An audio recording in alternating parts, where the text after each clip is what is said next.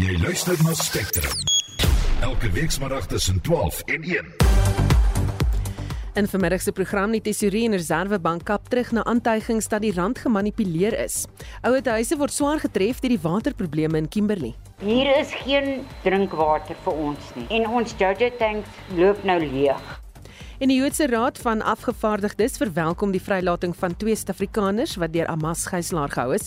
Welkom by Spectrum onder redaksie van John Estreisen, Daitrin Godfrey se produksieregisseur en ek is Susan Paxton.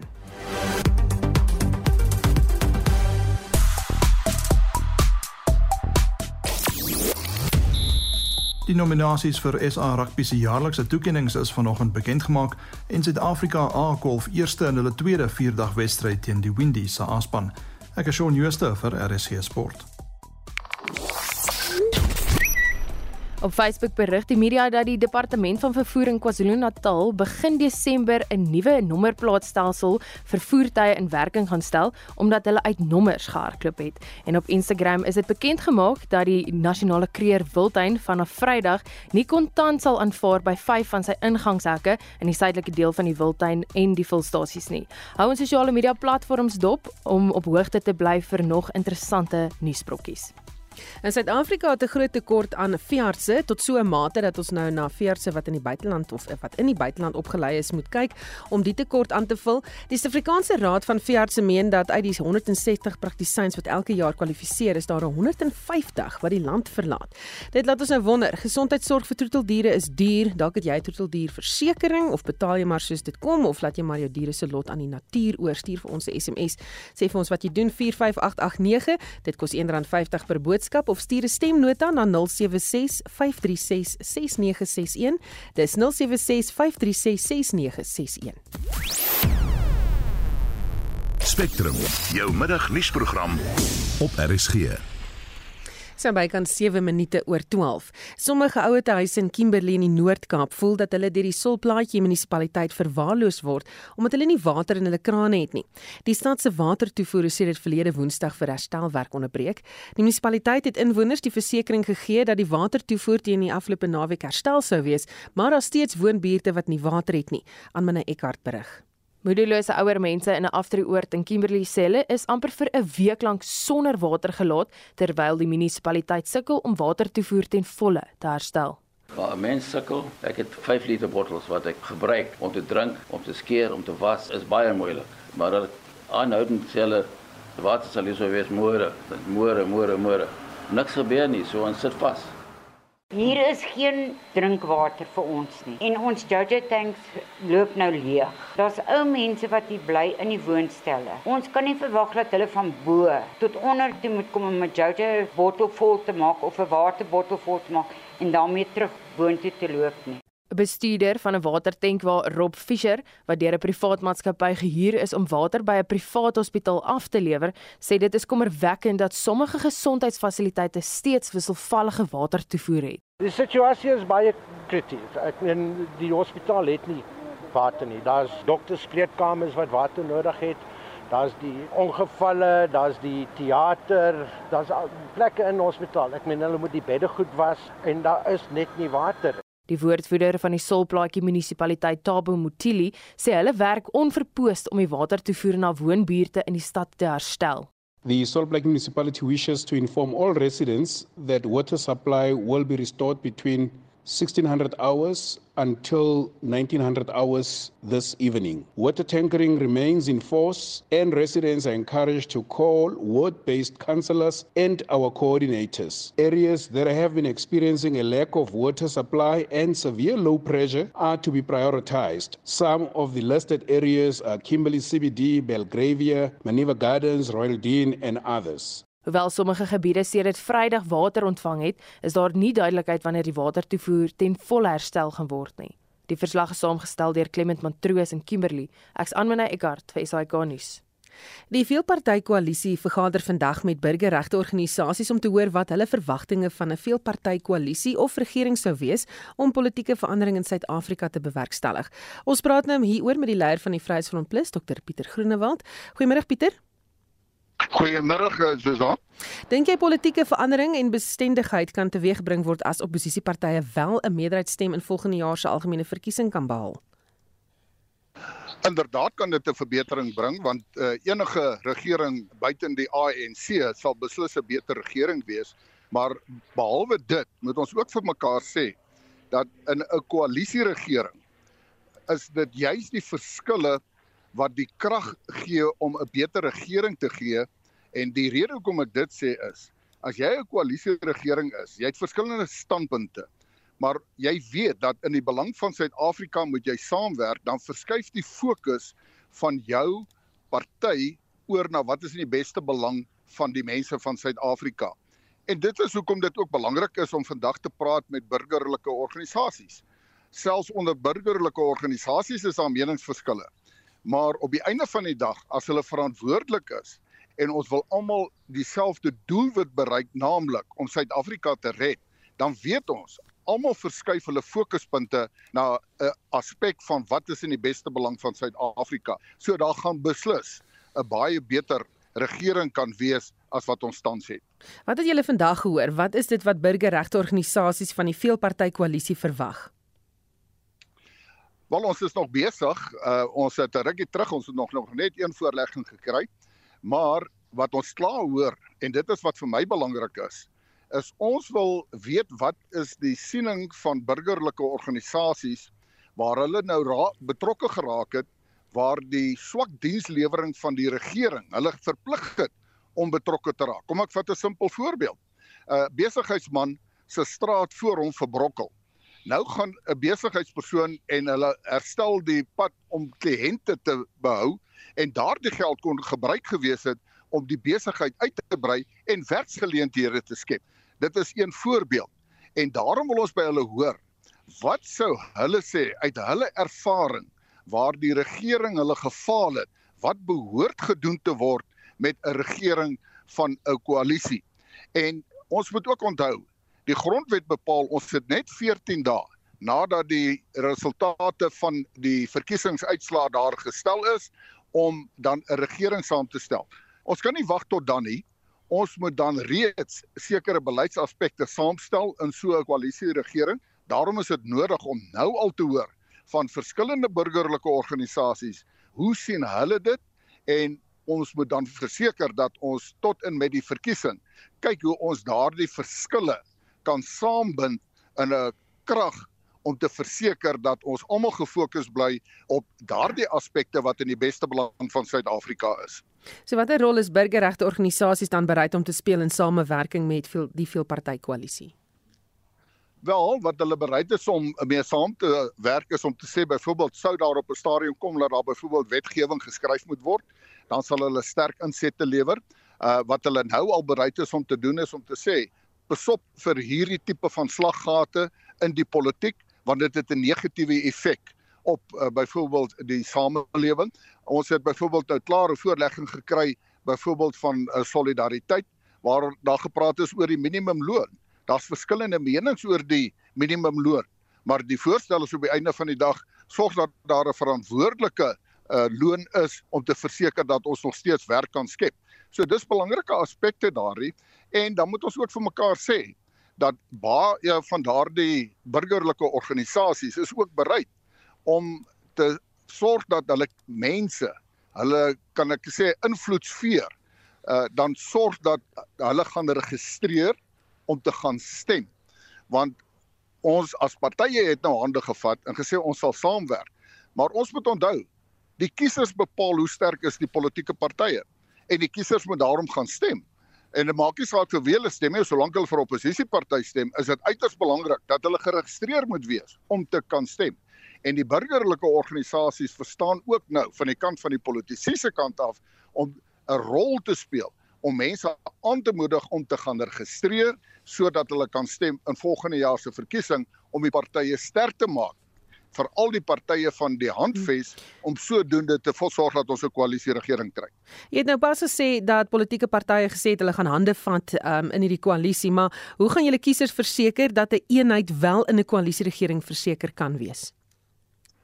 Wel die eenheid is klaar verseker in die opsig dat ons het reeds gesê ja, ons is afsonderlike politieke partye, jy behou jou eie beleid en jou standpunte. Ons vat net hande, ons sê ons sal saamwerk. Die Vryheidsfront Plus is baie duidelik daarop om te sê ons sal saamwerk. Maar ons sal ons beleidsstandpunte daar stel en dan sê ons vir die kiesers, kies jou party sodat daardie standpunte van daai party in die koalisie ingebring kan word. Maar die veelparty handves het reeds sekere beginsels daar gestel. Byvoorbeeld, hulle glo aan 'n regstaat.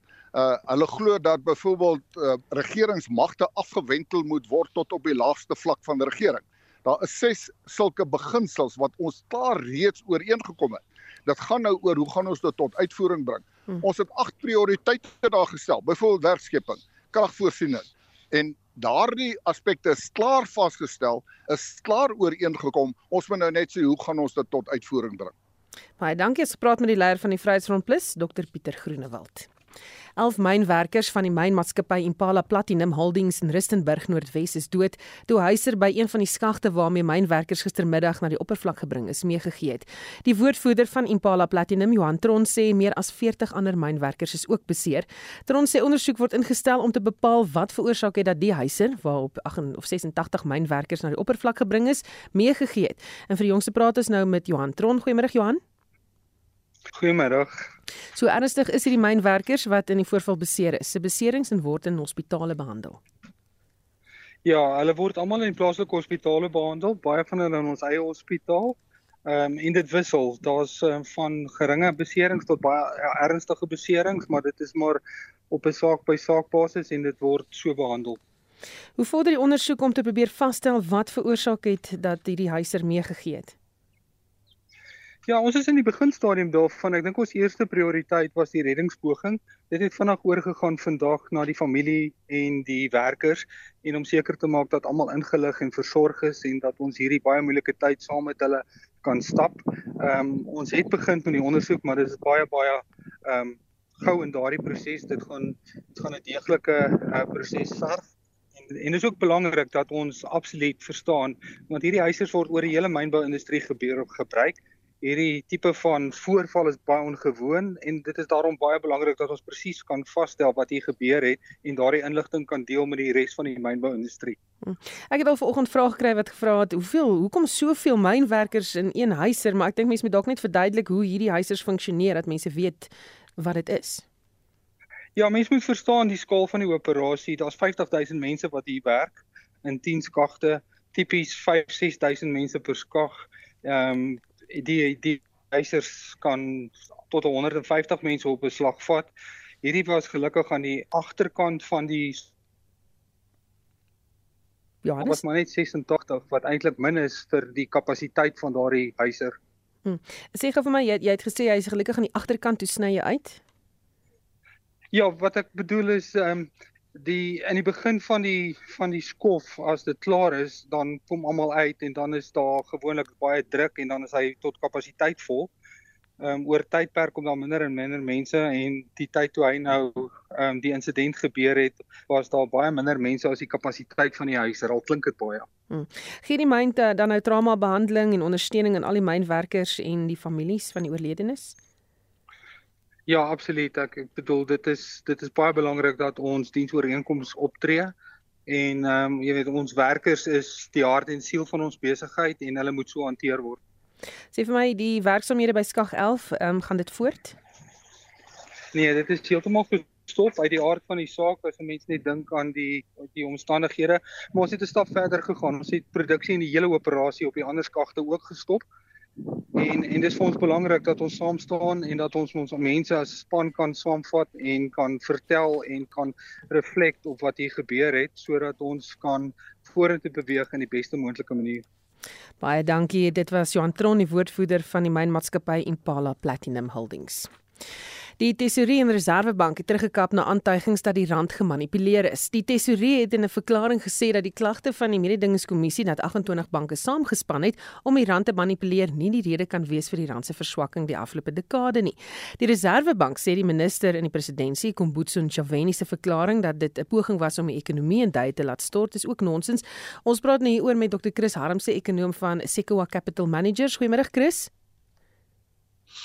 Môre Susan, môre luisteraars. Hoekom sou die Reservebank en Tesourier so hewiglik reageer op hierdie kwessie?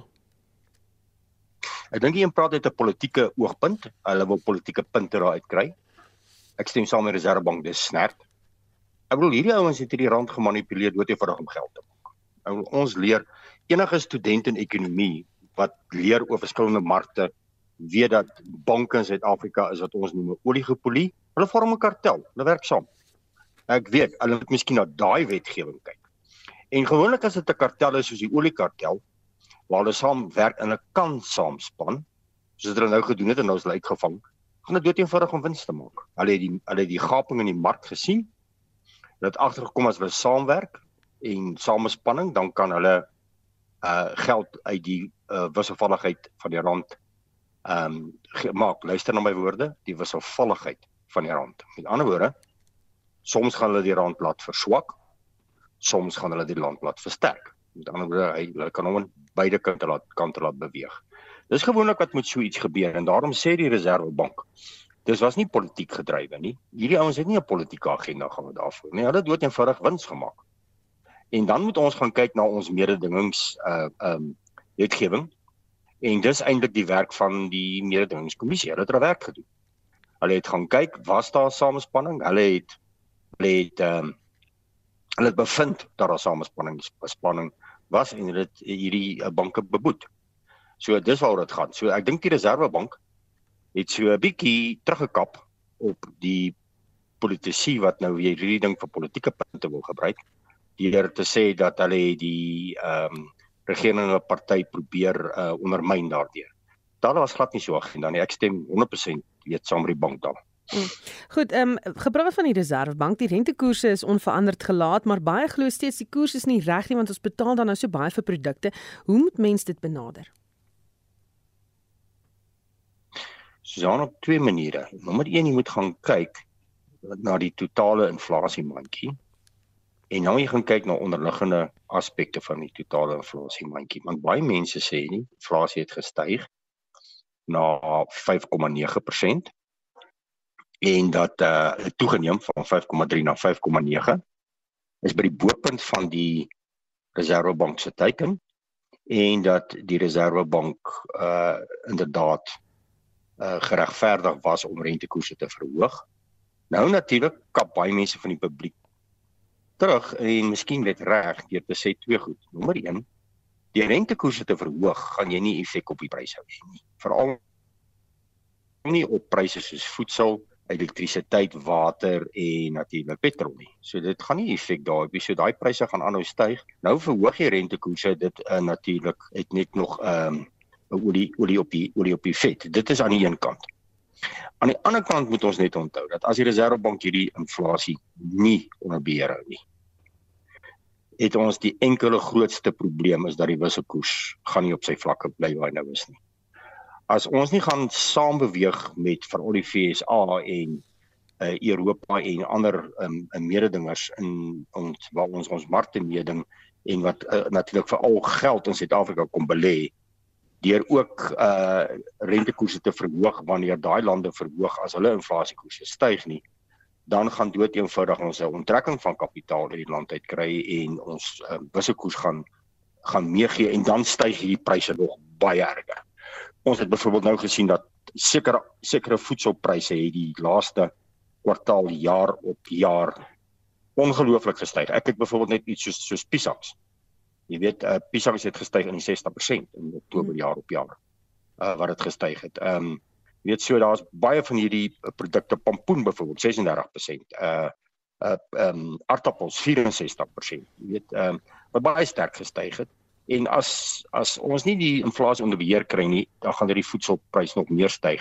So die Reserwebank het eintlik nie 'n keuse nie. Ons is 'n klein oop ekonomie.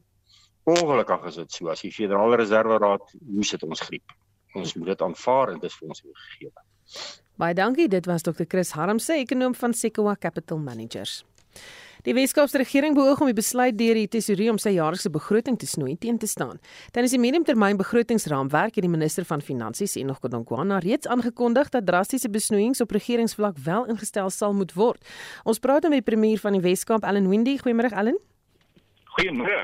Sê vir my, waar presies is julle bekommerd wat betref die begroting en die aankondiging deur die regering?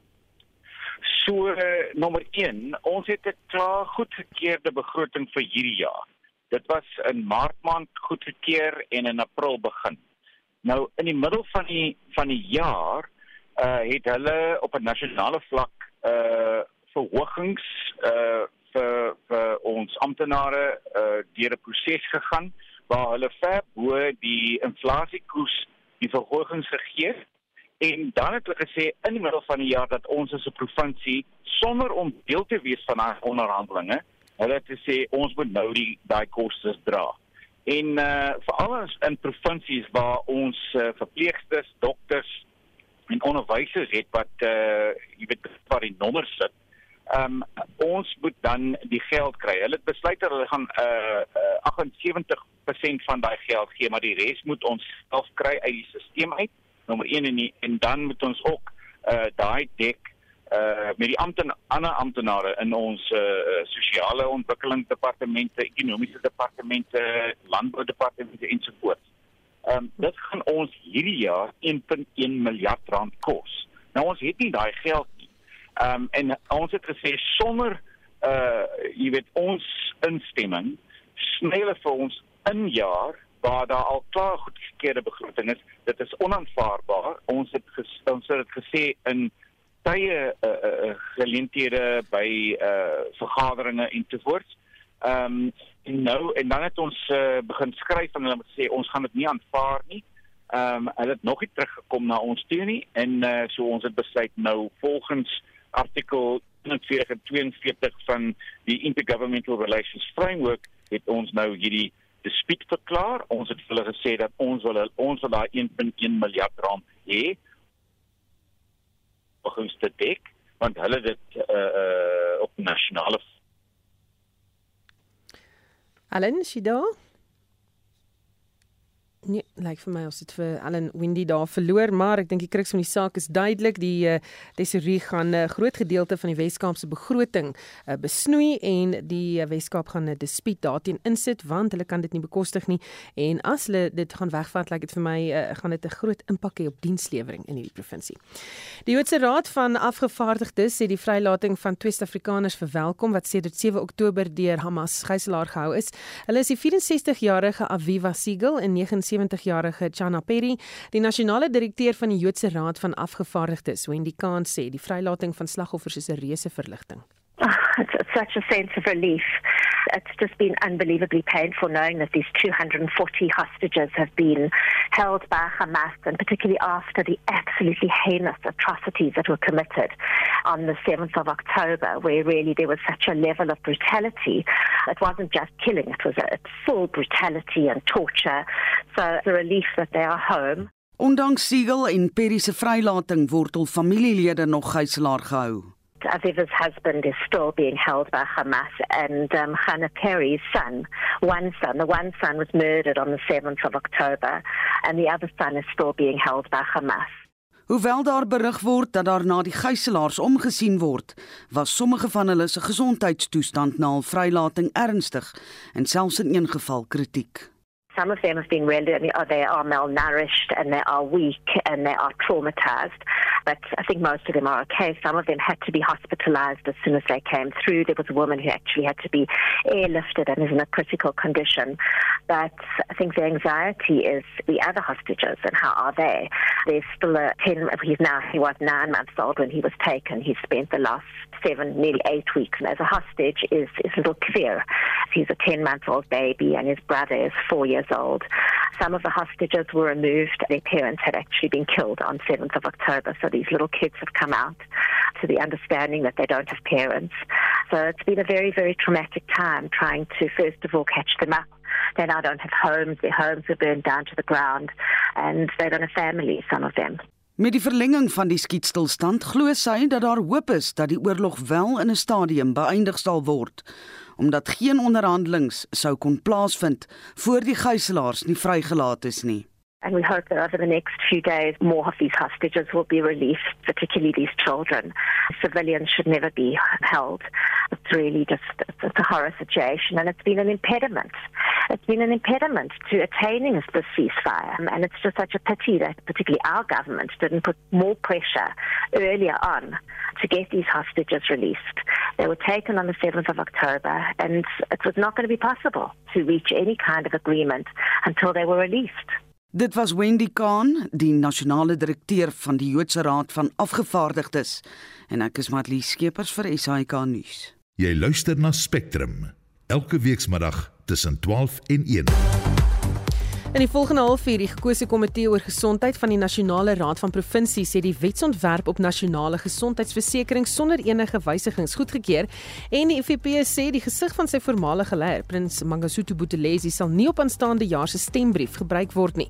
Bly ingeskakel.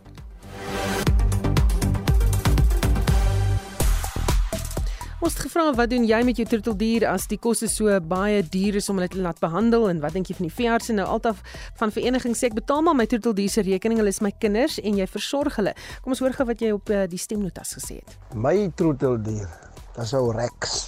Dis 'n Steffie. Nee wat, die ou het 'n boek in Parel by die veearts. Hy kry sy medisyne, hy kry sy inspuitings. Ek betaal so 2.500 rand per 'n periode, dit was 'n periode van 3 maande. Hy raak nie siekie, maar ek moet dit betaal is amper soos 'n polis. Ek dink amper hy gaan 'n begrafnis sou kry die dag as hy sterf. Maar kyk goed na hom, want hy kyk na my. Nee, Rex klink vir my of hy die goeie lewe leef. Ek dink ons moet daar by jou kom aanklop om ook ons te versorg. Jy kan sê saamgesels jy wil stuur 'n SMS 45889 onthou SMS se kos R1.50. Tyd vir sportnuus met Shaun Jooste. Goeiemôre Shaun. Middag Susan. Nou is daar rugby die lys van benoemings vir hulle jaarlikse toekenninge vanoggend bekend gemaak. Ja, Pieter Steff de Tooi, Eben Edsbeth, Sia Kolisi, Frans Malherbe en Damian Willemse is genomineer vir SA Manspeler van die jaar. Die vroue nominasies is Asesa Hele, Libby Janse van Rensburg, Balwa Lachwa, uh, Rights Makari en Nadine Roos en dan vir span en afrigter van die jaar kompeteer Jacques Ninaber en die Bokke teen John Dobson en die Stormers asook Hawies Fourie en die Cheetahs. Daar is 9 kategorieë vir die volledige lys van nominasies. Besoek gerus springboks.rugby en die wenners word vroeg in 2024 bekend gemaak. Die Suid-Afrikaanse A-span het die eerste 4-dag wedstryd teen die Windies se A-span naalskraap verloor en sal sake graag wil regstel in die tweede wedstryd wat vanoggend begin het. Hoe gaan dit daar? Nou die besoekers het die lood vanoggend gewen. Dit is op Buffalo Park in Oos-London. Hulle het gekies om veldwerk te doen Nou swak lig het die oggendsessie oorheers in Suid-Afrika A staan op 18 vir 1 in hulle eerste beurt. Ingang is gratis, so maak gerus 'n draai. En dan in vandag se ander wedstryde kolf Bangladesh eerste in hulle eerste toets teen Nieu-Seeland. Hulle was 'n kort gerukkie gelede op 277 vir 8 na 79 balbeurte en dan pak Indië en Australië mekaar ook vanmiddag van 04:30 af in die derde van vyf wedstryde in hulle T20 reeks met Indië wat 2-0 voorloop. Nou watter sokkerwedstryde kan ons vanaand uitsien? Plaaslik in die DStv Premier Liga draf Cape Town Spurs vanaand half 8 teen Stellenbosch FC op die veld uit en dan in die Kampioenligga se 5de ronde speel Manchester City vanaand teen RB Leipzig. Nou beide is reeds deur na die laaste 16de ronde in groep F met PSG teen Newcastle United en AC Milan teen Borussia Dortmund kragte. Nou al vier spanne het nog 'n kans om deur te dring en Barcelona en FC Porto tafel mekaar ook met die wenner wat moontlik hulle plek in die volgende ronde kan verseker. Nou al vier hierdie wedstryde begin vanaand 10:00. Baie dankie, dit was Shaun Jooste van RSG Sport. Jy luister na Spectrum op RSG. 25 minute voor 1. Magalies Water is aangestel om van die hyacinte op die Hartbeespoortdam teen Junie volgende jaar ontslae te raak. Die indringerplant groei al vir meer as 'n dekade by die gewilde toeristebestemming. Die departement van water en sanitasie het gister 'n spesiale geleentheid gehou om Hartbeespoortdam se 100ste bestaanjaar te vier. Anmene Eckart het meer besonderhede. Die gewilde toerismebestemming het begin om minder besoekers te lok omdat groot dele van die dam met asinte bedek is. Plaaslike besighede soos watersportmaatskappye word veral hierdeur geraak. Magalies Water se bestuurder van navorsing en ontwikkeling, professor Wahangwele Masindi, sê hulle is deur die departement van water en sanitasie aangestel om van hierdie indringerplant ontslae te raak. confidently say that in June the problem will have subsided and the strategy that we have developed is Makalis water. It will be functional and we're not going to find ourselves in this state anymore in the future. And this is going to be an adaptive integrated management approach that this dam is going to adopt for the future and for the benefit of everyone. So this problem will never prevail again. Hy sê die dryfkrag van die assinte is die swak watergehalte wat onder meer die strome op aktiwiteite veroorsaak word. Upstream, we have wastewater treatment facilities that are discharging effluents that are not compliant. Those effluents are rich in microbial contaminants, they are rich in nutrients, and those nutrients get into the dam. The foster the growth of these aquatic plants, the hyacinth. Hence, you see they are growing at a very fast pace. But we as Makalis Water, we have enacted a hybrid approach whereby we are removing these floating plants using the mechanical harvesters. We have two harvesters now on site and also manual harvesters, whereby we appointed close to 60 employees who are assisting with the manual removal of the floating plants. Die minister van water en sanitasie, Senzo Matqunu, sê hy die rolspelers wat verantwoordelik is vir die verval van die dam geïdentifiseer. There's work that is being done here. Machalis is our implementing agent, but we're looking at the, the root cause. And root causes for this are pointing elsewhere. We're here for the celebration, not to hang some people. But after the celebration, we are going straight for those who are culprits as far as this thing is concerned. Hyacinth. Magalies Water voorspel dat dit 3 jaar sal neem om die probleem op te los. Die verslag is saamgestel deur Pumzile Mlangini, ek's Anmane Eckart vir SAK nuus. Jy luister na Spectrum op RSG. So 21 minute voor 1 'n pasgestigte nasionale groep van sowat 25000 gesondheidslei, die South African Health Professionals Collaboration of SAHPC, is bekommerd en teleurgestel dat die gekose komitee van die Nasionale Raad van Provinsies die wetsontwerp op nasionale gesondheidsversekering sonder enige wysigings goedgekeur het. Ons praat nou met Philip van Staden, die Vryheidsfront Plus LP en die party se woordvoerder van gesondheid hieroor. Goeiemôre Philip. Goeiemôre Susan. Hoe het dit gebeur dat die wetsontwerp nou al tot hier trek? Ja, kom ek sê vir jou, die afgelope 4 jaar het ons in die portefeulje komitee oor gesondheid in die nasionale vergadering hierdie wetsontwerp hanteer. Dit was openbare verhore gewees. Mense het skriftelike kommentare ingedien en teendeel 332 000 skriftelike kommentare wat nie op ag gegee was nie. Ehm um, en ehm um, toe ons by Maart vanjaar begin kom toe sien die ANC hulle gaan dit nie maak om die wetgewing voor die verkiesing deur die parlement se beide huise gedruk te kry nie. En hulle het probeer hierdie proses stoomroller. Ons moes 'n Maart maand as Vryheidsfront Plus regskennisgewings op die parlement beteken sodat oppositiepartye toegelaat kon word om hulle eie regsopinies oor hierdie saak met die parlement in te dien. En dit is op 13 Junie was die finale stemming in debat toe in die nasionale vergadering plaasgevind.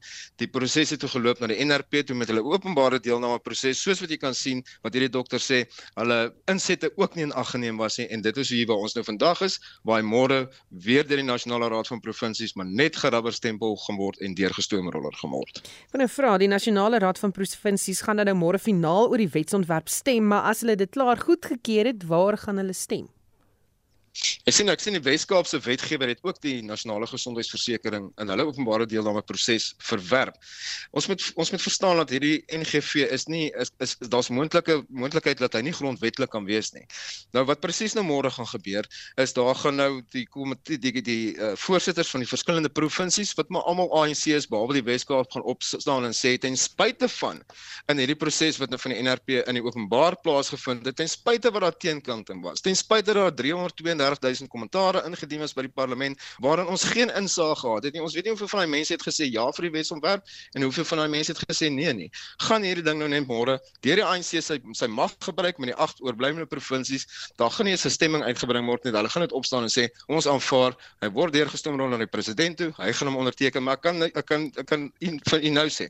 Daar gaan verskriklike regsaksies ontstaan as die president hierdie wetgewing onderteken, soos ek sê, is daar 'n moontlike groot ongrondwetlikheid aan hierdie ding. Hy gaan nie 'n grondwetlike toetslag nie. En ek kan vir julle sê daar's tans ons het 'n petisie geloods verlede Woensdag met 'n met 'n media konferensie in Kaapstad oor die uh, teen die NGV. Dit is op ons webwerf beskikbaar en hier gaan groot gevolge uitvloei. So die ANC gebruik hierdie uh, wetsontwerp as 'n verkiesingsfoefie want hy het geen politieke kapitaal om volgende jaar na die stembus toe te vat nie.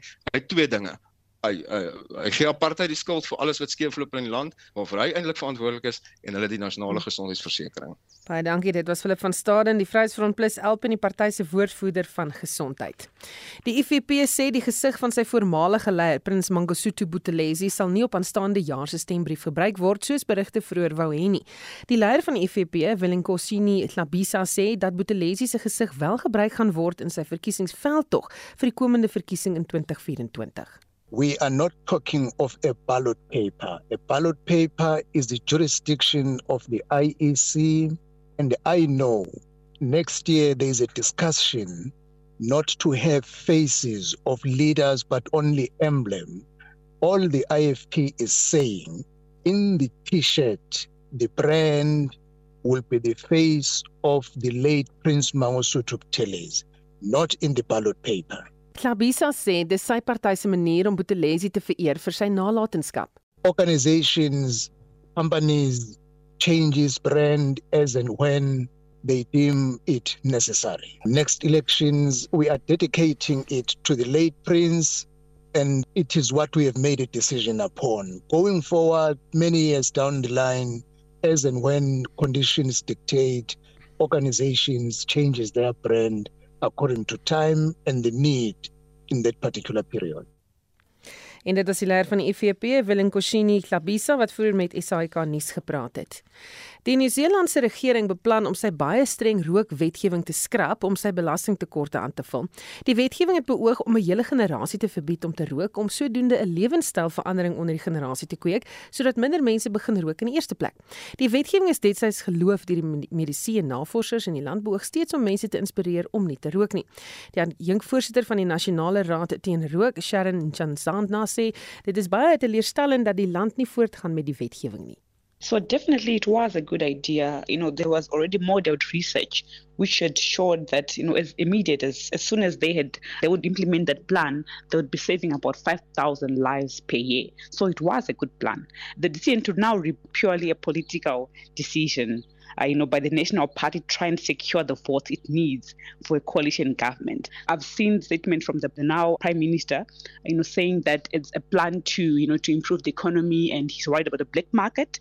But to be frank, it really is just a political decision and it is concerning that they're now going to be putting, you know, profits over public health. Nyatsanza sê daar sou altyd uitdagings wees met die implementering van die wet. But over a long period it was going to be enforceable. Yes, it might have had you know loopholes here and there, you know obstacles here and there, but eventually it was going to be enforceable because New Zealand has the capacity as well to enforce that. And we know that right now that the UK Prime Minister has also released a statement that he is going to continue with his plan to follow the same same suit. So obviously the concern around repealing this law, which is going to come into effect later this year, is concerning because obviously public health people we worry about the killing effect on regulation as in whether that would dissuade other countries from following suit, but we'll see because the UK states that it's going to proceed.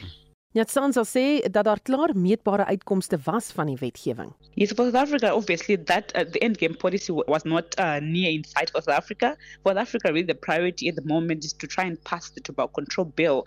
And just, I think, to emphasize that illicit trade in South Africa is the majority of it is just undeclared local production from the legal manufacturers. And you see again, it's an issue of enforcement, it's an issue of political will, because we know that the illicit market is coming from the same industry, meaning they're even benefiting more and more from not declaring tax. Nyatsanza sê Suid-Afrika is baie ver agter met stappe om mense se gesondheid te verbeter deur hulle te dwing om nie te rook nie.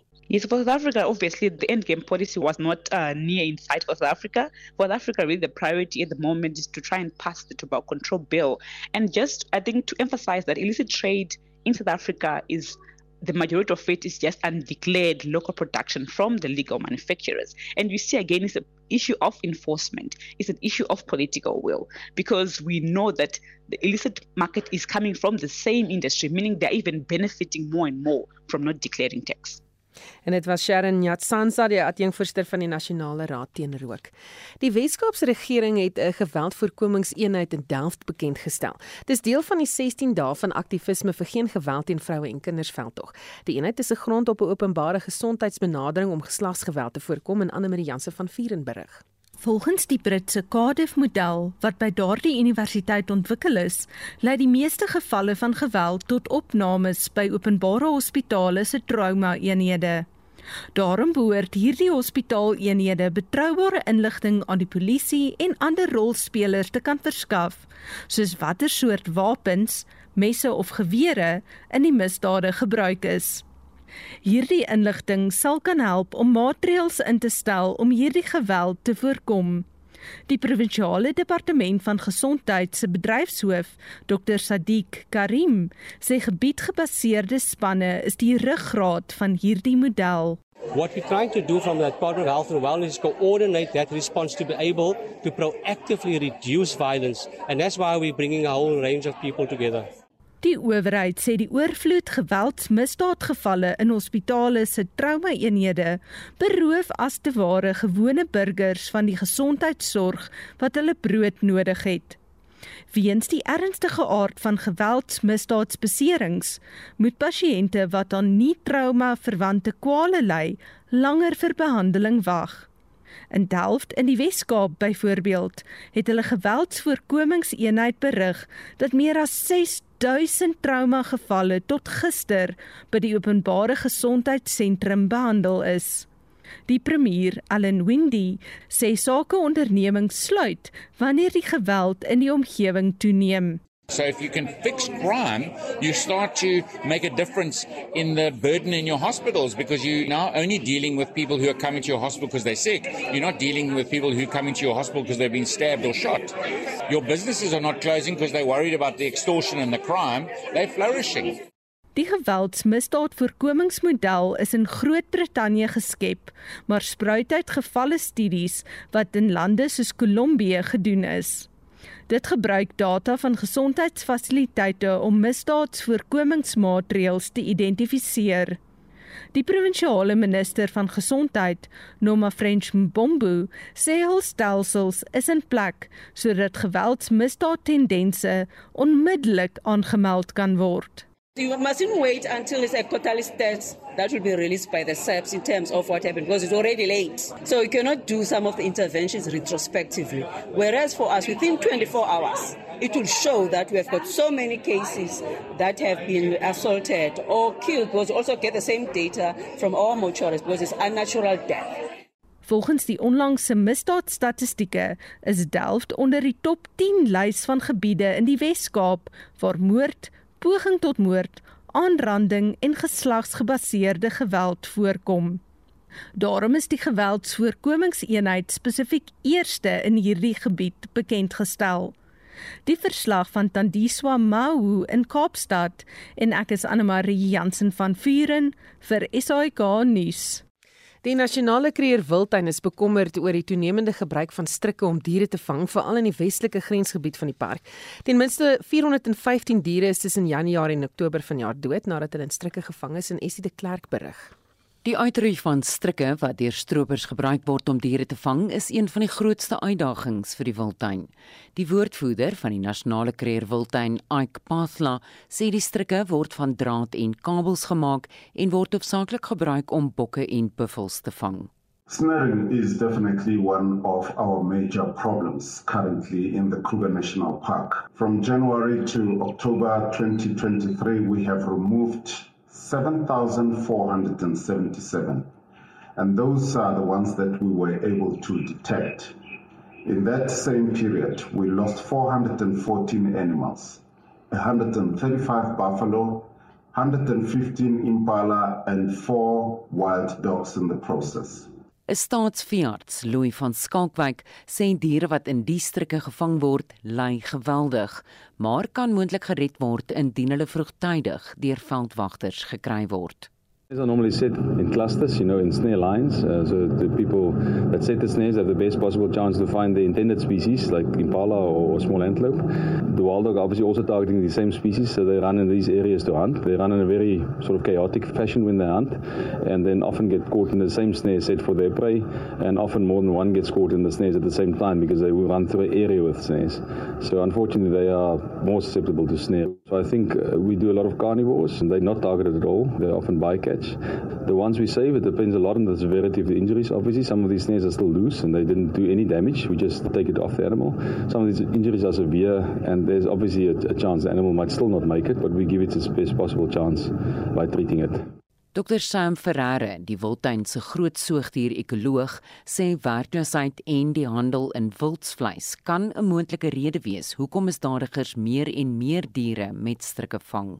Impacted by snaring, particularly when uh, people are snaring or targeting a particular species, you know, to supplement whatever meat requirements they have got. And yes, at a local scale, particularly on the edges of the park, there are definitely impacts that will happen. Individuals will get caught. We do not detect all of them, we detect probably very few of them. Is is usually very localized, and it's a very painful effect, but it's very localized, so it will have a big influence on those animals that are close to the fence but not necessarily or any other animals are very far away from the fences. This is why I think we see these increases in our mammal numbers uh, despite the snaring pressure that uh, that are experiencing. Why would people or why are snaring taking place? And those things often relate to people having hard times, some of the, the social history that, that is coming around, and criminality.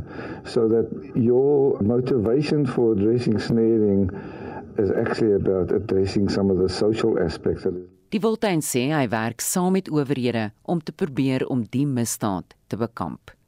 Die verslag is saamgestel deur Oupa Masilele. Ek is Estie de Klerk vir SAK nuus. En Estie sluit by ons aan met die jongste nuus en ontwikkelende stories, Estie. In die Gautengse wetgewer het die ANR vir Finansies Jacob Mamabolo aangekondig die Gautengse regering besnoei kostes soos deur die nasionale tesourie aan hom voorgeskryf is. In sy 2023 mediumtermyn begrotingsraamwerk voorsien die Gautengse regering 'n verpligte basislyn vermindering van 8 miljard rand. Mamabolo sê die besnoeiing sluit 6 miljard rand uit wat alle provinsiale departemente vir salarisse in hulle begrotings moet insluit. So when we present the budget in March next year, we will clarify how we are dealing with the challenges of cuts in the in the MTF which will come from equitable share conditional grants and all that. So that picture will talk to it at that time. But we should also appreciate as a province that whilst there have been cuts mainly on conditional grants, we have also received money to cushion us on the wage agreement, particularly for those uh, departments such as health. Die minister in die presidentskap vir vroue, die jeug en mense met gestremthede in Kossazana Dlamini Zuma eis dat beleidsmakers in Afrika alle forme van geweld teen vroue en kinders as misdade verklaar. Sy het gepraat by die 3de Afrika Unie Beraad vir mans oor positiewe manlikheid. Uh, Dlamini Zuma sê alle mans moet geweld teen vroue teenstaan. Die beraad wat in Pretoria gehou word, het ten doel om maniere te vind om geslagsgeweld hok te slaan. Hier is Dlamini Zuma. The liberation of women is a fundamental necessity for the revolution, the guarantee of its continuity, and the precondition for its victory. The main objective of the revolution is to destroy the system of exploitation and build a new society. It is time to legislate against all forms of violence against women. En in internasionale nuus het reddingswerkers in die noorde van Indië na meer as 2 weke se gespook uiteindelik daarin geslaag om 'n tonnel te grawe om 41 werknemers te kan red. Nou moet reddingswerkers begin om die werkers wat reeds 7 17 dae lank vasgekeer is, een vir een uit hierdie tonnel te haal. Die BBC se Sanjay Desgupta berig. There is renewed optimism in Uttarkashi that the 41 trapped men could be rescued today. The government says it has broken through 52 of the roughly 60 meters needed to reach the construction workers. After several mechanical failures, authorities on the ground abandoned using specialized drilling machines, instead, using trained miners to manually remove the debris. en dit was die BBC se Sanjay Desgupta. Onthou kom in te skakel vir Brandpunt om kwart voor 6 vanmiddag vir 'n oorsig van die dag se nuus. En dit was Estie met 'n nuusopsomming vir ons. Nou ja, daarmee is dit tyd vir ons om te groet. Ons vorige uitsendings uh, van nuus en ons aktualiteitsprogramme is as 'n potgooi op RC se webtuiste beskikbaar. En ons groet namens ons uitvoerende regisseur Nicoline Lou, die redakteur vandag John Estreisen en produksieregisseur Daitrin Godfrey. My naam is Susan Paxton. Onthou om in te skakel vir 360.